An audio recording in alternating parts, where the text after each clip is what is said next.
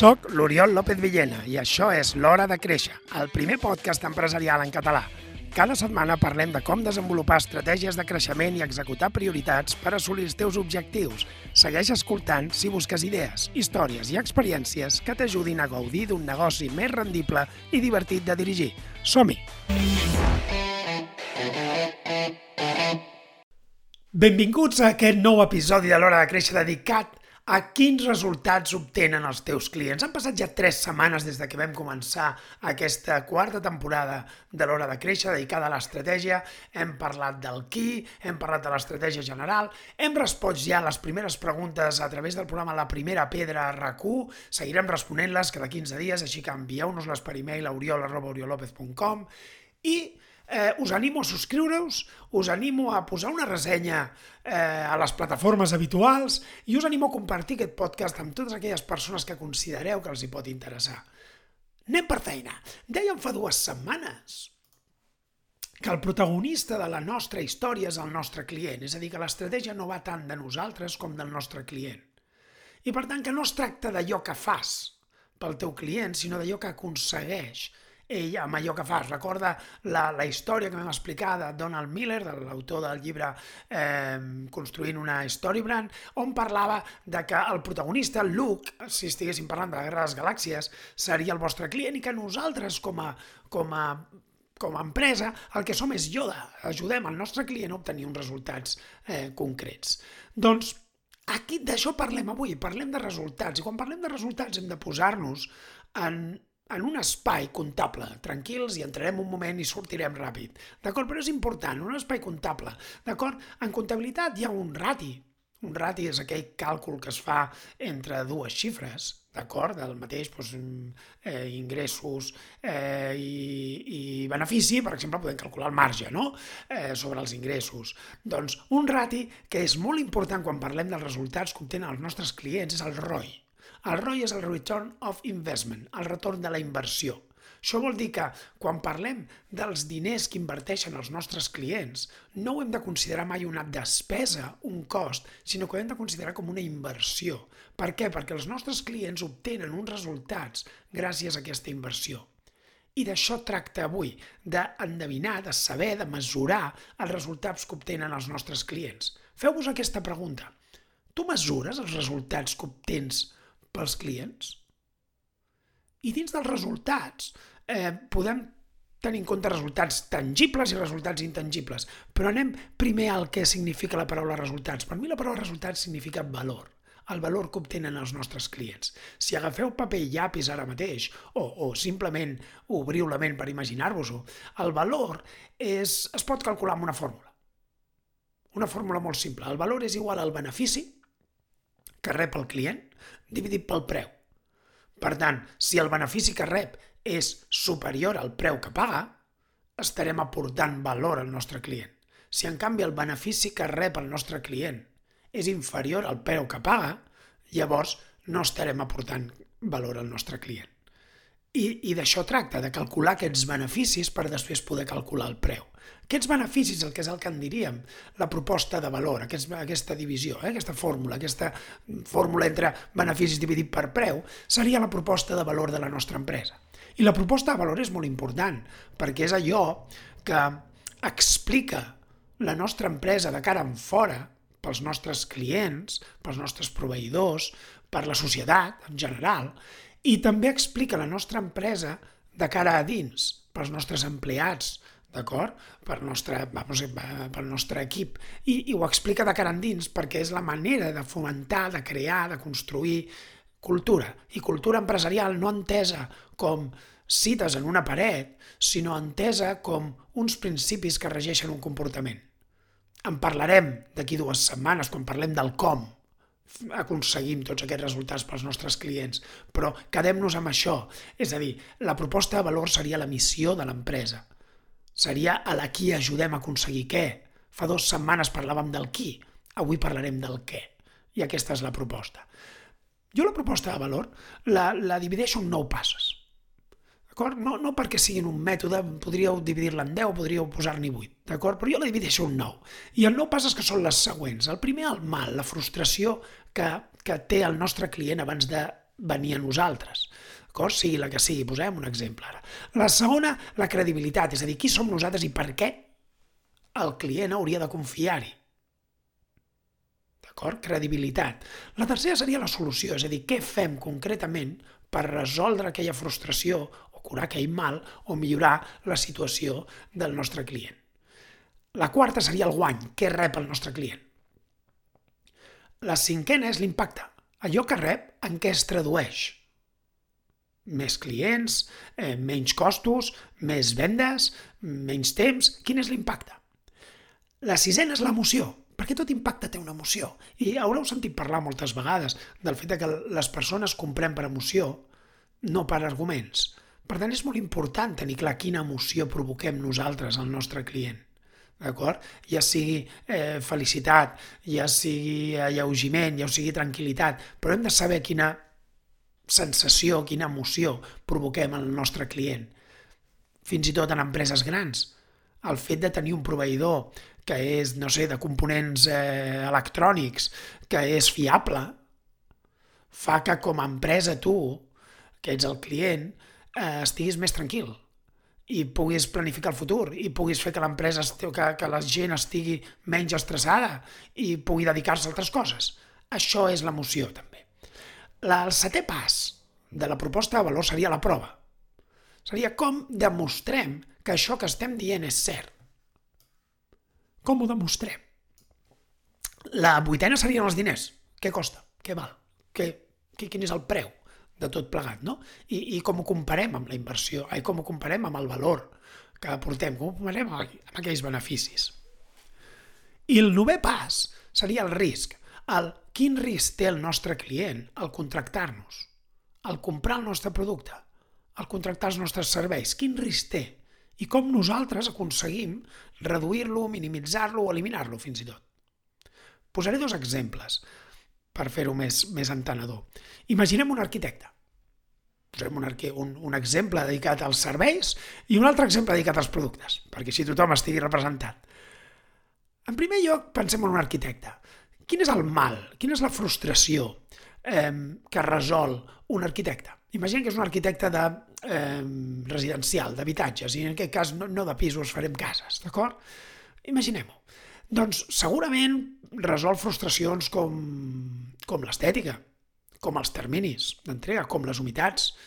Eh, resol frustracions com el, com el, el gestionar fins i tot una obra. A vegades l'arquitecte pot ajudar a, a, a relaxar el nostre client, el seu client, perquè el client està molt estressat, perquè no sap exactament eh, on acudir i en qui contractar. No? Per tant, resol aquest tipus, aquest tipus de frustracions. En segon lloc, parlaríem de la credibilitat. La credibilitat d'un arquitecte ve donada, òbviament, pel seu títol, d'acord, però també pot venir donada per aspectes com premis o, o, o testimonis. Per tant, el que estem fent és dir, escolta, quina credibilitat té aquest arquitecte. Imaginem un arquitecte, jo tenia un client que eren arquitectes eh, molt especialitzats en cases de muntanya. Per tant, aquests arquitectes, eh, la seva credibilitat és el fet de que són especialistes cases de muntanya. Si tu vols una casa a la muntanya, vols una casa al Pirineu, contactar-los és important, és interessant. Per què? Perquè són especialistes en això també vaig conèixer eh, una vegada un arquitecte especialitzat en obra, no sé com dir-la, i obra esportiva, d'acord? Poliesportius, eh, pistes de tennis, eh, piscines, coses d'aquest tipus. Llavors, aquest arquitecte, el fet d'estar especialitzat en això, si tu busques fer una piscina, aquest arquitecte és un especialista, per tant, això li dona una credibilitat. En tercer lloc, quina és la solució que porta l'arquitecte? Doncs bé, la solució que porta l'arquitecte és el projecte. D'acord? O sigui, el que fa és, és aportar un projecte i aquest projecte eh, per construir una casa.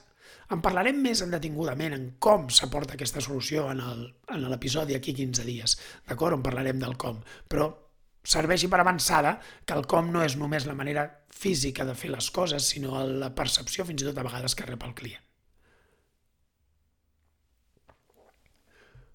En quart lloc, quin és el guany que reps quan contractes un arquitecte? doncs el guany que reps és la casa.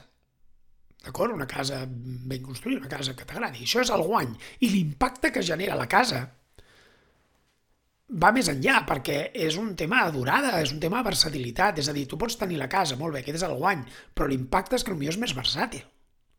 D'acord? Que tens una casa que t'ha permès, gràcies a la participació d'un arquitecte, que et permet utilitzar els, eh, les diferents habitacions de diferents maneres que t'interessen més, que encaixen més amb la teva manera de ser i de viure, per tant, encaixen amb el teu estil de vida. I aquí anem al sisè pas, que és l'emoció. L'emoció que genera una casa construïda és el fet de tenir una llar, per exemple si és que la casa és per tu, no? És a dir, tenir una llar eh, transmet una emoció de, de, de bellesa, de dir, aquesta casa m'agrada, encaixa amb l'entorn, és a dir, per tant, genera una emoció, la, la, la bellesa en si potser no és un impacte, potser no és un guany directe, però sí que és una emoció, perquè t'agrada veure-la, t'agrada gaudir-la, et transmet una, una emoció dedicada amb qui la gaudiràs, què en faràs, és una casa on podràs fer barbacoes amb amics, és una casa on podràs compartir estones amb la teva parella o amb la teva família. Per tant, eh, quan estàs assegut a la taula fent un joc de taula amb els teus fills, penses que estàs a gust, que estàs a la teva llar. Si a més tens llar de foc, doncs encara més. Imagineu-vos aquesta situació. Això és l'emoció. D'acord? L'emoció també és el llegat. Construir una casa per viure i també és construir una casa per, per, per molts anys, o sigui, no és, una, no és una, un producte que s'esgoti ràpidament, per tant, penses en el llegat, penses en el futur. En setè lloc, poses prova, és a dir, l'arquitecte ha de provar que, que serà bo fent allò, no només perquè sigui especialista. I la prova són aquells testimonis, casos d'èxit, és a dir, és aquell arquitecte que pot passejar-se per una zona i dir això ho he fet jo. D'acord? De manera que puguis veure clarament i puguis percebre que el valor que rebràs és real. En vuitè lloc, el preu en parlarem d'aquí 15 dies, però el preu bàsicament és un reflex de la inversió. Per tant, no hem de tendir ràpidament a un preu eh, baix basat en quantes hores ha dedicat l'arquitecte a, a fer aquell projecte, sinó hem de posar el preu pensant en quin és l'impacte, en quina és l'emoció, en quin és el guany que rep el nostre client. Recordo un, un empresari que fa uns anys va, va entrar a casa d'un client seu i un cop entrat a casa del seu client, una, una nau industrial, eh, un empresari dedicat als, als rodets de cautxú, i va entrar i eh, el, el seu client, un dels seus millors clients, li va dir, escolta, m'has de baixar el preu perquè ets un 10% més car. I ell li va contestar, mira, veus aquell rodet d'allà al fons? Aquell rodet el vam vendre nosaltres fa 10 anys.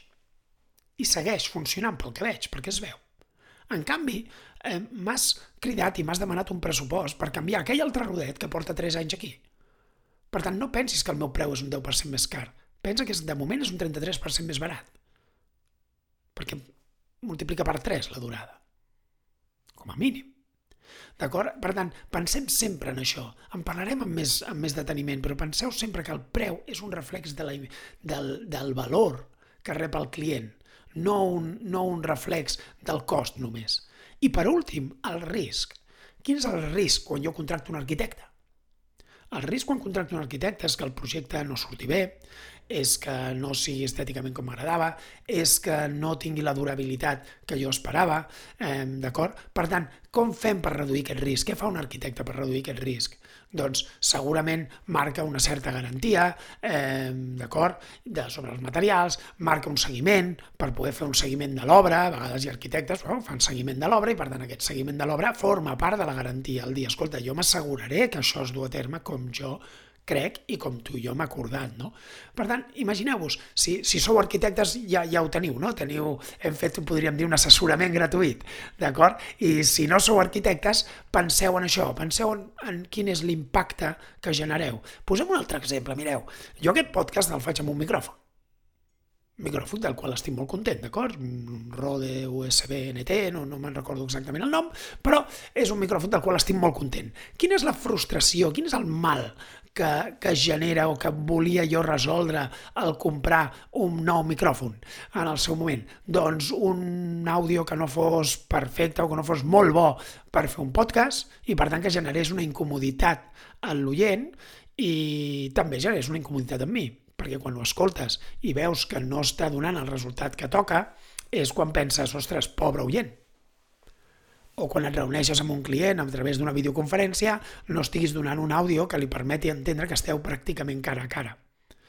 Perquè tot això les videoconferències està molt bé, però de vegades, no sé si us ha passat, que connectes amb gent que no té ni una bona il·luminació, ni un bon àudio, i home, no es tracta de tenir un, un set, podríem dir, eh, televisiu, però sí que es tracta de tenir un, un, uns mínims, no? uns mínims de garantia que ens permetin parlar amb naturalitat i llavors sí que poder fer allò que molts voldrien, que és substituir les reunions presencials amb virtuals. Eh, ja us avanço que no és possible totes elles, però sí que se'n poden resoldre moltes si tot funciona bé, d'acord? Eh, connexió, eh, vídeo i, per suposat, l'àudio. Per tant, aquest és el mar, aquesta és la frustració que, que jo tractava de, de resoldre comprant un micro. A partir d'aquí, quina és la credibilitat d'aquest micro concretament? Doncs són diverses coses. Primer, els, els, els anys que porta el mercat Rode, la seva especialitat, d'acord? És a dir, eh, s'especialitzen en àudio, per tant, saps que estàs comprant a una empresa que sobretot ven eh, micròfons. Eh, pots mirar les ressenyes. A dia d'avui a internet estàs rodejat de llocs on pots mirar ressenyes, on pots mirar l'opinió d'altres usuaris, per tant això també et fa guanyar credibilitat, no només usuaris, sinó a vegades webs especialitzades, per tant això és credibilitat. No? El tercer és la solució. La, la, la solució que aporta aquest micròfon és, són unes característiques tècniques especials, no? és a dir, coses com l'antivibració, coses com tenir una petita pantalla que, que dirigeix el, el, el so, aspectes d'aquest tipus. Per tant, és quan parlem de característiques, d'acord? És l'únic moment en què parlem de característiques, fixeu-vos. En la resta de casos parlem de beneficis. El, el quart aspecte és el guany. El guany és un micro, un micro de qualitat que duri, que doni el funcionament que ha de donar, no? I aquest és l'impacte.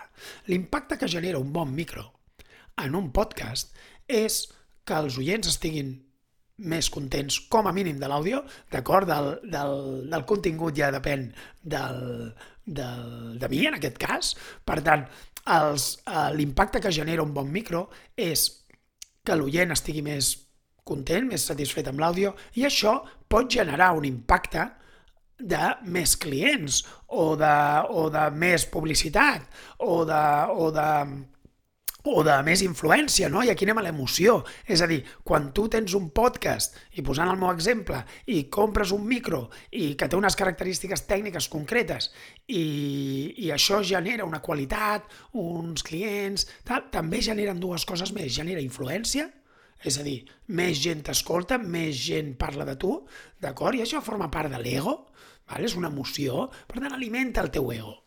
Vale? I això és una emoció, i això també ho sap eh, Rode. Ho sap. D'acord? I ho sap Rode perquè, perquè ho mostren. Quan tu mires la publicitat, veus eh, gent eh, a les fotos o als vídeos eh, fent podcast i podríem dir que són exitosos, els veus com, com gent d'èxit. Vale? Per tant, eh, premia el teu ego. Eh? No, no, no vol dir que sigui bo o dolent, però premia el teu ego.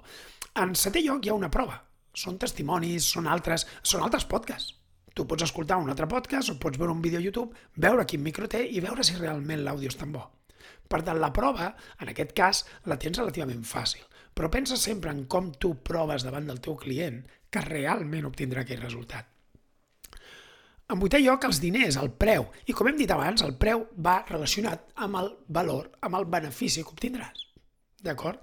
Per tant, si el benefici que obtindràs és un bon micro de qualitat, que et dona ego, que et dona clients, bla, bla, bla, bla, bla, que et durarà, d'acord? El, que, el que tens allà és un preu que va més enllà de quan costen els components i l'ensamblatge d'aquests components. I per últim, el risc, d'acord? Com resols el risc de que se t'espatlli, de que no funcioni com tocava? Doncs per això estan la mateixa Road, les mateixes empreses que fabriquen, que et donen aquestes garanties de dos anys, és veritat que són obligatòries, d'acord, però també et donen eh, garanties de durada. No perquè et puguin a vegades donar aquesta garantia, que també ho fan. Imagineu-vos aquests cotxes que fan 7 anys de garantia. No és obligatori però l'ofereixen. Per què? Perquè el que volen donar a entendre és, escolta, nosaltres potser no som una marca tan antiga o amb tant de caché al darrere, eh, com d'altres, però nosaltres et podem donar una garantia de 7 anys. Per tant, si la teva por que el cotxe no surti bé, nosaltres l'esveïm.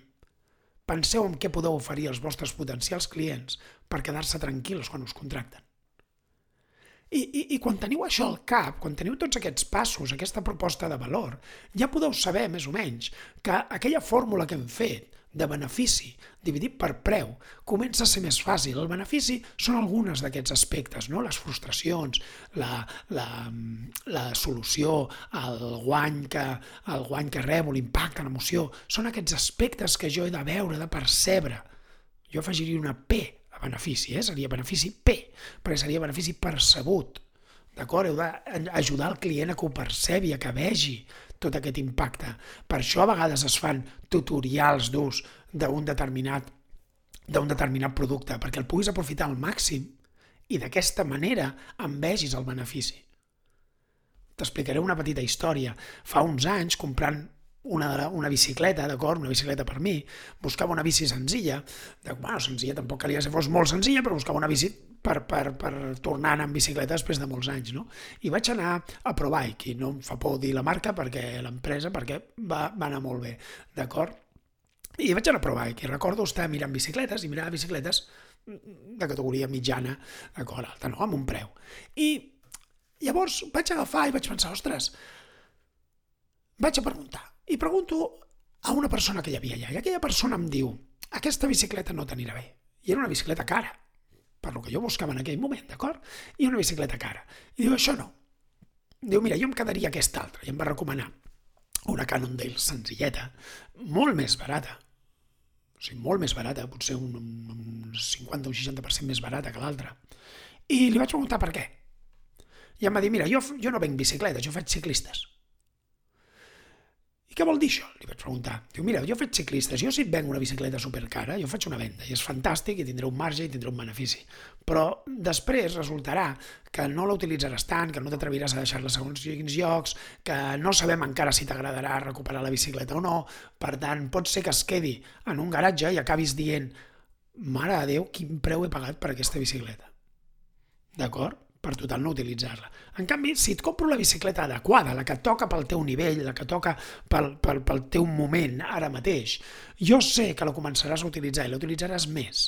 I, i perquè no et farà por deixar-la al garatge, perquè, perquè a més és una bicicleta més fàcil de portar, més senzilla ara mateix per tu, i això farà que t'aficionis. I si t'aficiones, et converteixes en ciclista. I si converteixes en ciclista, compraràs cas, compraràs pneumàtics, compraràs eh, accessoris diversos, mallots i de més, i a la llarga compraràs una bicicleta més cara. Això és fer que el client percebi. Aquest botiguer, d'acord, el que va fer amb mi és fer-me percebre al llarg d'aquests darrers anys fer-me percebre el valor, el benefici que jo havia rebut. Per tant, és important això, benefici dividit per preu, d'acord? Ja vist que hi ha beneficis tangibles, reducció de costos, augment de vendes, reducció del temps, d'acord? I hi ha beneficis intangibles, tranquil·litat, durada, eh, ego, fins i tot. Tots aquests beneficis els hem de tenir presents, perquè llavors quan posem el preu, deixem de posar el preu de la manera tradicional que és a través de menys de costos i de mercat que fa la competència i quan em costa a mi produir. I comencem a posar preus afegint una, una peça a l'equació. D'acord? Una peça molt important de la que vam parlar fa dues setmanes i és el client. Posem el preu pensant en el client i, per tant, pensant en el benefici que rep aquest client. Moltes gràcies per escoltar-me. La setmana que ve responem més preguntes que podeu seguir enviant a oriol.oriolopez.com. Responem més preguntes a través de la secció de ràdio de Primera Pedra a racu.cat i eh, d'aquí dues setmanes tornem. Tornem parlant del com, del com fem tot això possible, perquè és molt fàcil saber aquí ajudem a aconseguir què? Bueno, no sé si és fàcil, però, però com a mínim ho hem fet més fàcil a partir d'ara i podeu seguir omplint aquell, aquell document que, que teniu accessible des, del, uh, des de la web, és totalment gratuït, eh, no heu de posar ni mail ni res, només heu de clicar i us el descarregareu, d'acord? Però molt bé, ja hem parlat del qui i el què. Ara toca parlar del com, com ho fem possible. Per tant, parlarem de, de, de capacitat, de talent, parlarem de preus, parlarem de, de, de processos, d'acord? I parlarem de cultura empresarial també, perquè també és important, i de lideratge. Per tant, us espero d'aquí una setmana responent preguntes i d'aquí dues setmanes amb el capítol dedicat a al com. Moltes gràcies.